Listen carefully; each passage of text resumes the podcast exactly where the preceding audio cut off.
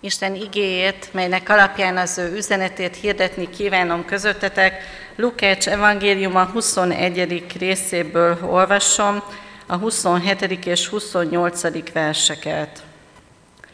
És akkor meglátják az emberfiát eljönni a felhőben nagy hatalommal és dicsőséggel. Amikor pedig ezek elkezdődnek, egyenesedjetek fel, és emeljétek fel a fejeteket, mert közeledik a megváltásotok. Eddig Istennek írott igéje, foglaljon helyet a gyülekezet.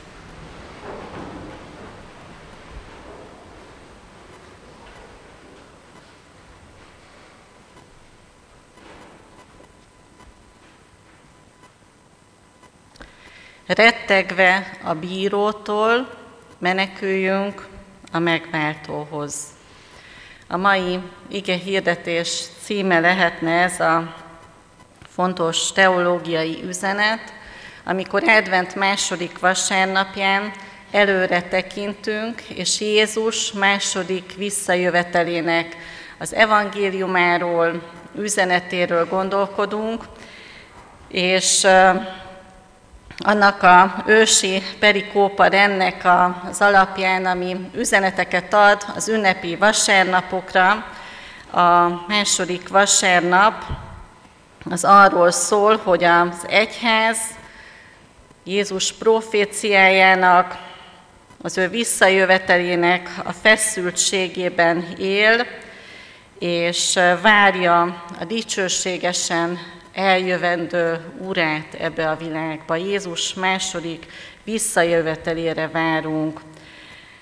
Biztos, reményteljes várakozás és vigyázás az, ami kell jellemezze az egyházat. Hiszen mi abban a korban élünk, amikor már két advent között él a gyülekezetünk. Már tudjuk, hogy beteljesedett az első ígéret, mert Jézus megszületett, eljött erre a földre, és azt is tudjuk, hogy vállalta értünk a szenvedést is, és ugyanakkor azzal a reménységgel tekintünk előre, hogy színről színre látni fogjuk őt. Viszont azt hiszem, mindannyian tapasztalhatjuk azt a mi életünkben, hogy talán az advent üzenete közül ez a legnehezebb üzenet. Ezek azok az igék, amik az utolsó időről szólnak, az utolsó idő szenvedéseiről és próbatételeiről, amik talán a legtávolabb vannak tőlünk.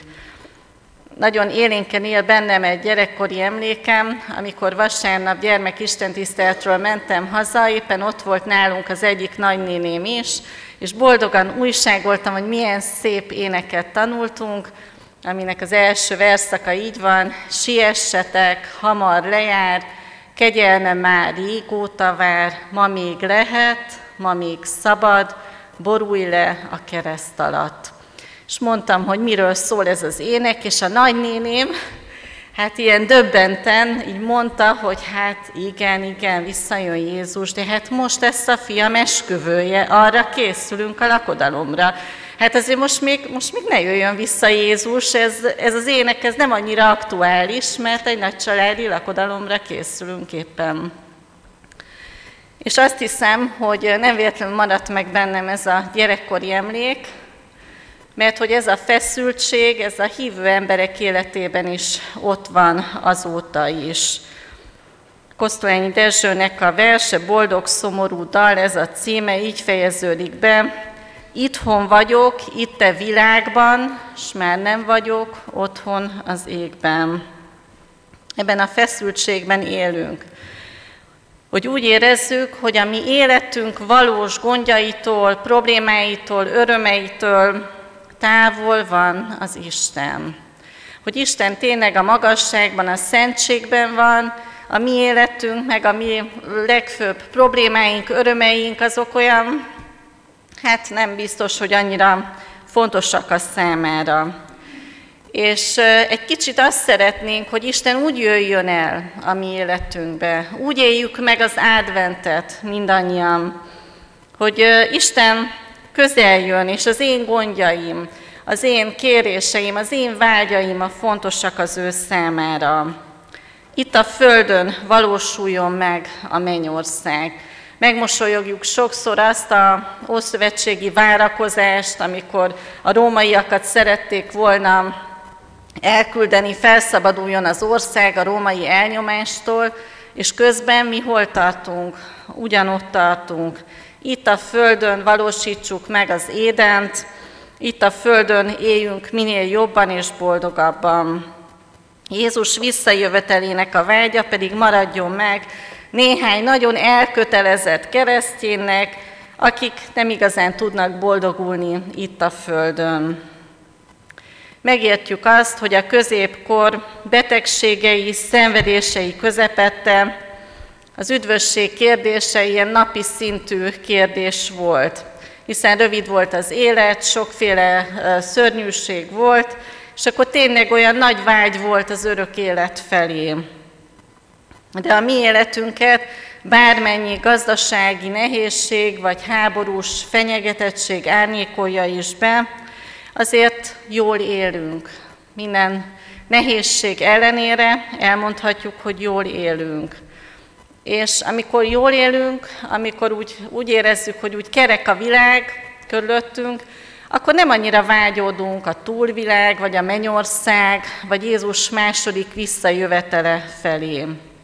Gyerekkoromban tanultam egy másik éneket is, ami szinte egy ilyen himnusza volt a, annak idején az ifinknek, Uram volt, ha vándorútam, majd véget ér itt a borúban, így kezdődik, és aki írta ezt az éneket, ő elvesztette az egész családját egy szörnyű járványban.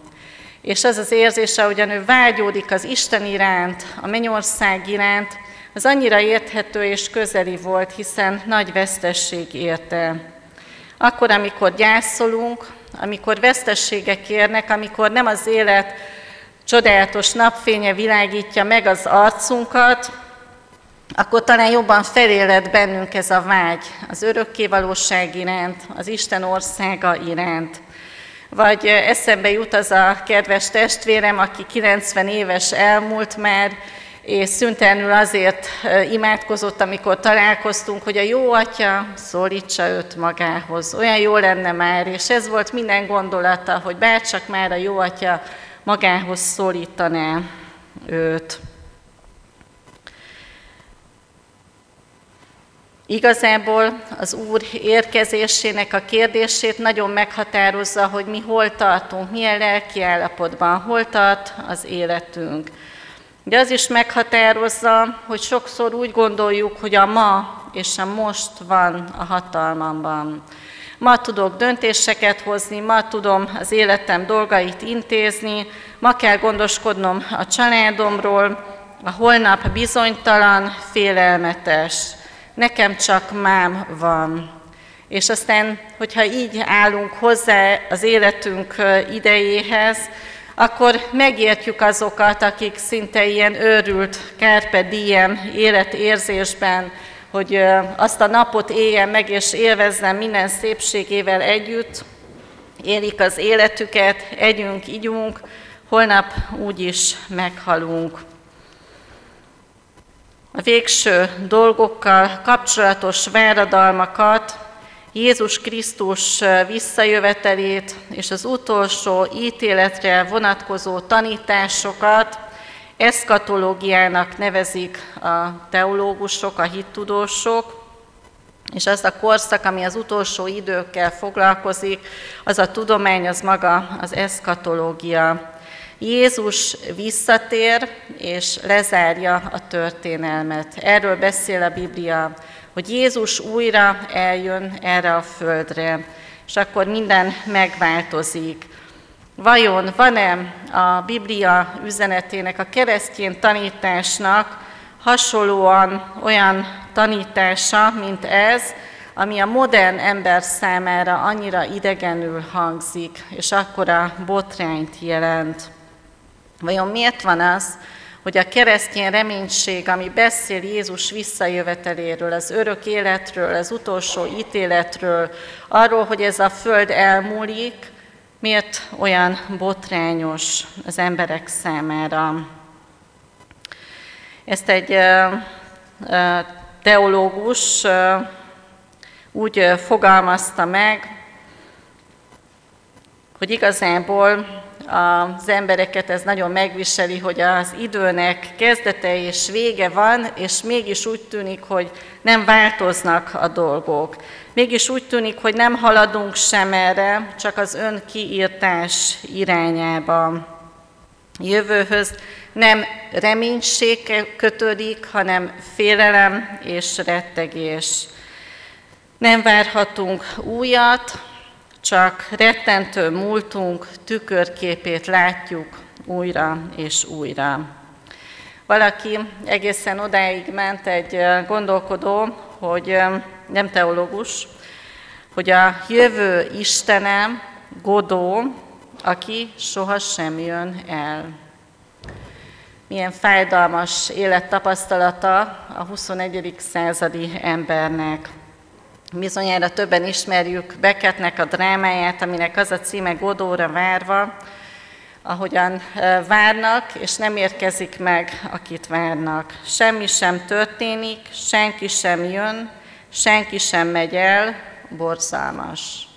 Ez az életérzés azt hiszem valóban borzalmas.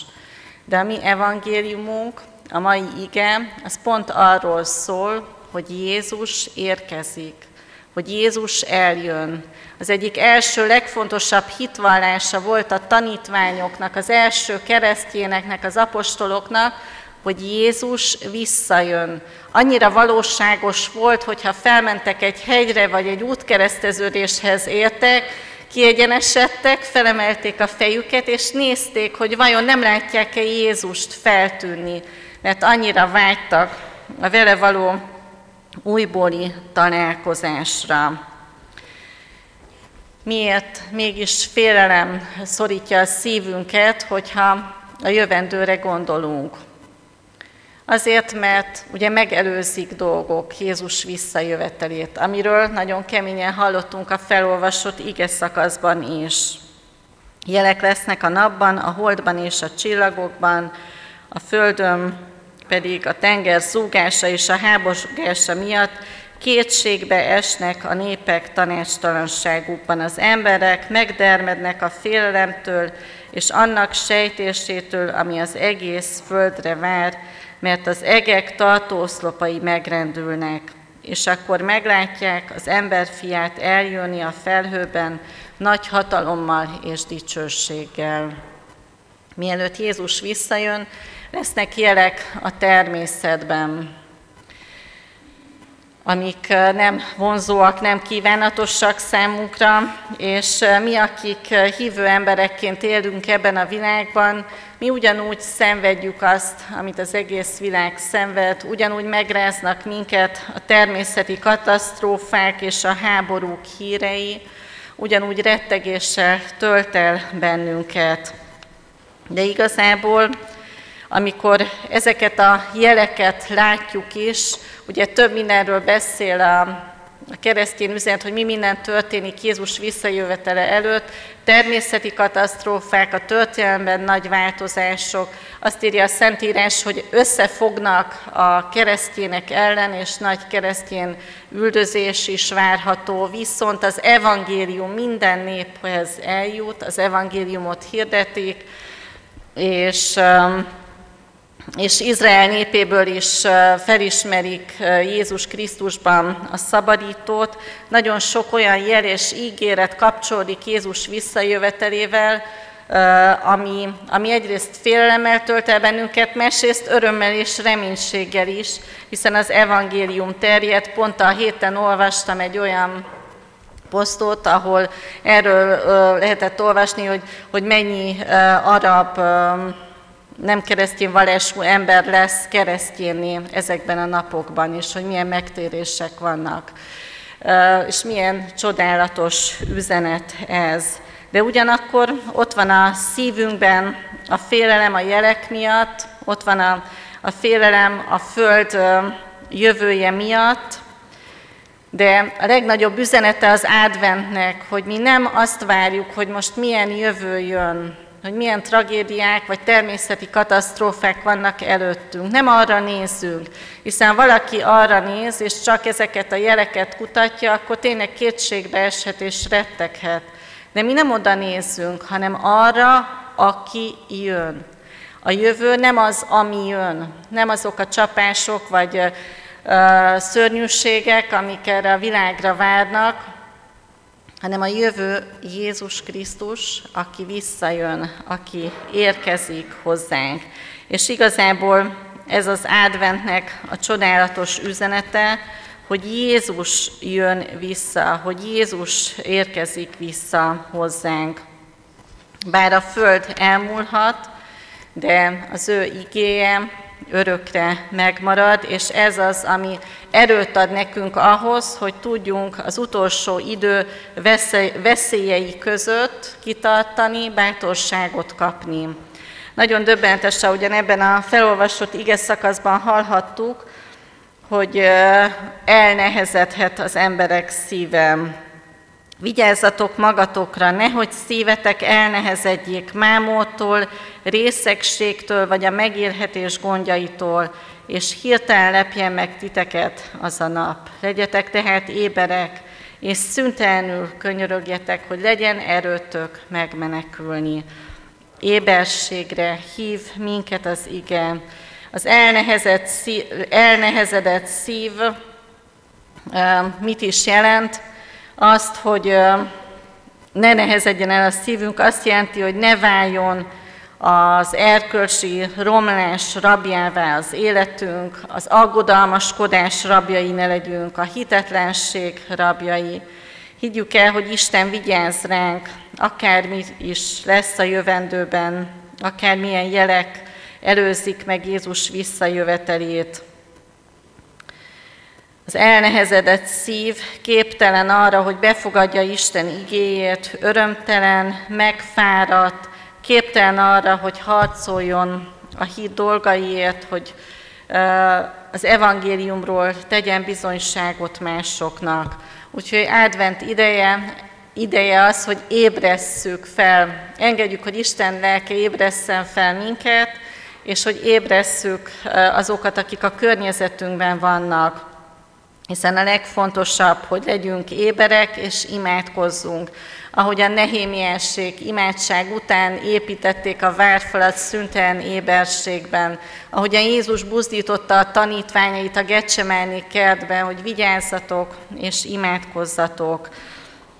Igazából, hogyha félünk, hogyha a holnap miatt rettegünk, hogyha a földi dolgok gondjai nehezítik is a szívünket, a legfontosabb, hogy vegyük észre, hogy Isten ébreszteni akar bennünket, hogy fel tudjunk egyenesedni, hogy fel tudjunk nézni őre.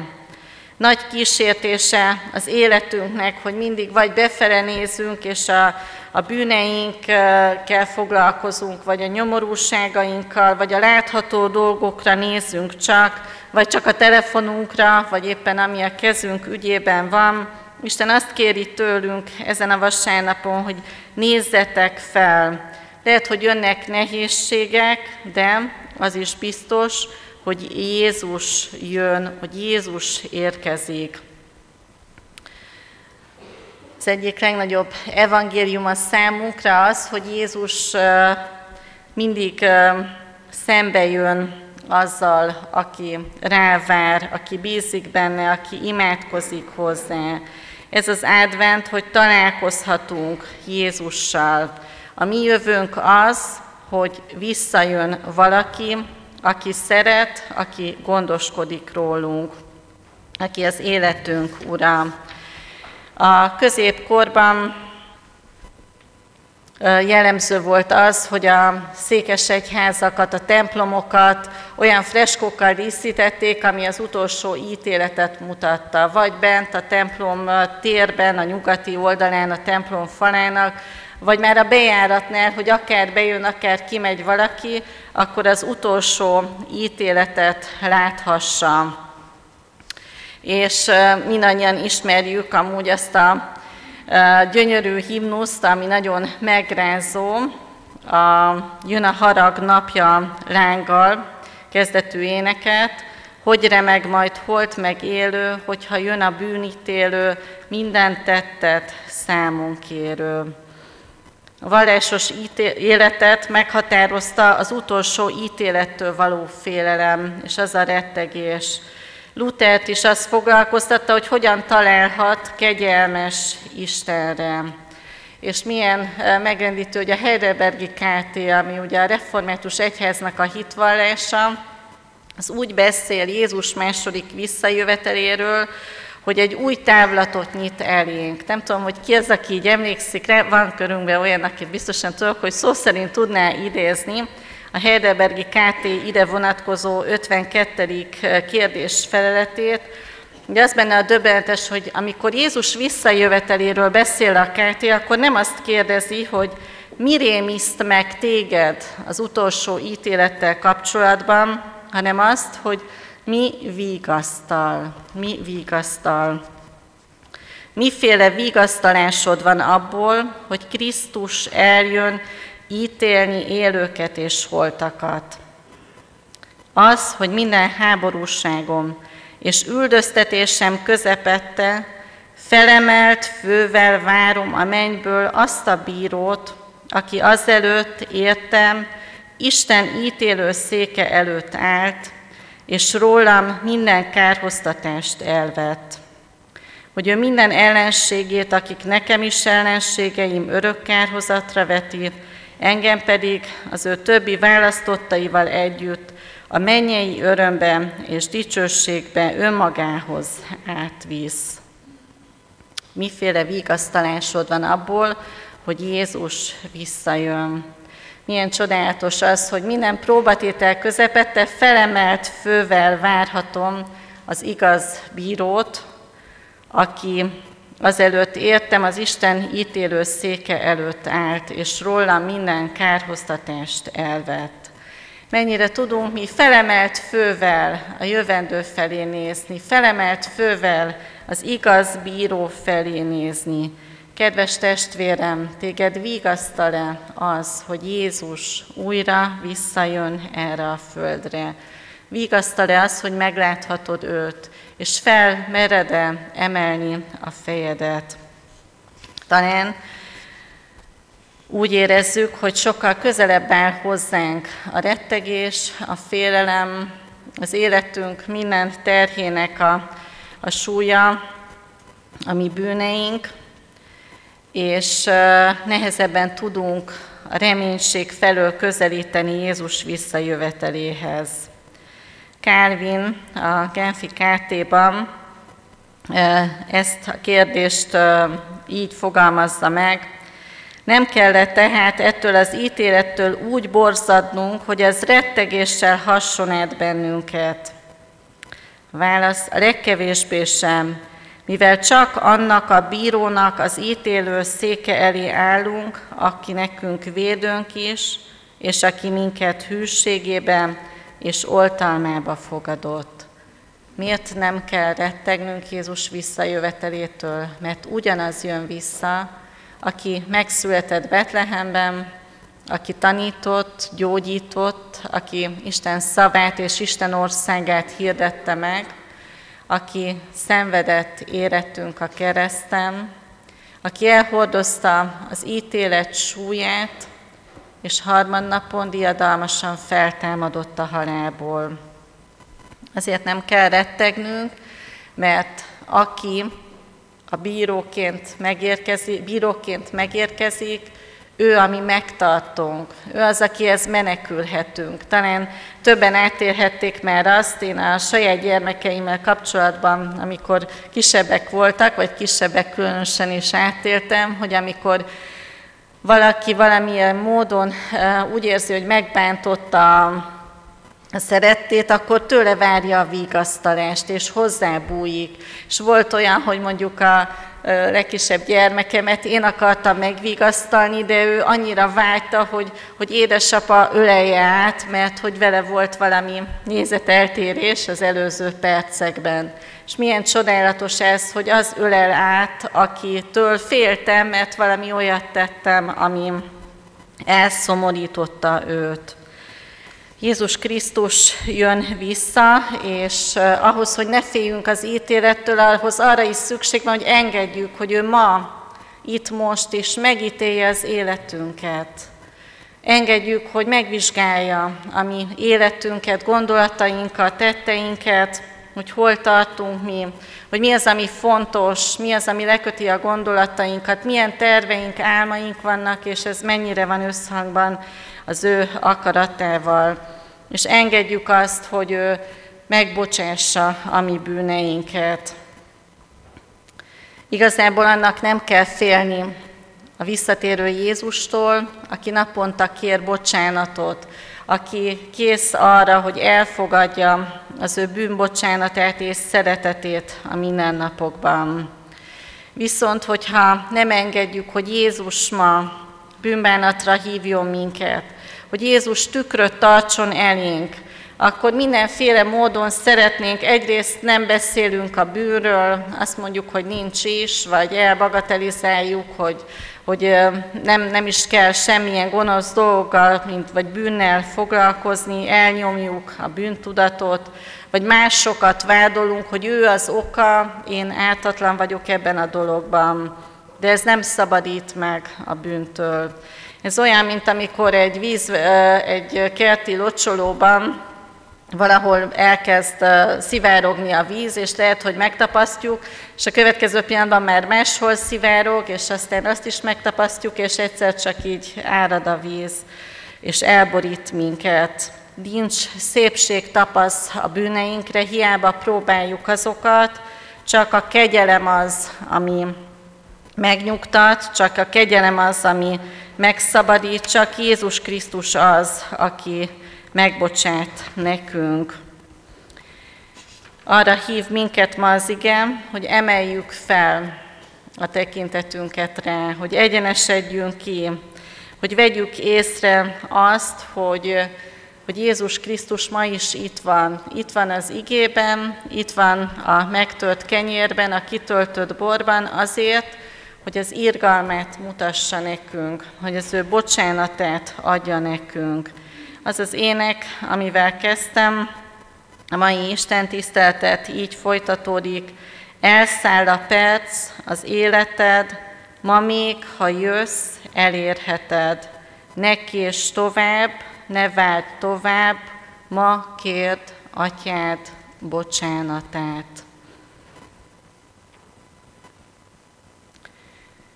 Aki elfogadja Jézusnak a kegyelmét, amit az úrvacsorában is ad nekünk, annak nem kell félnie az ő visszajövetelétől, nem kell félnie az ítélet napjától.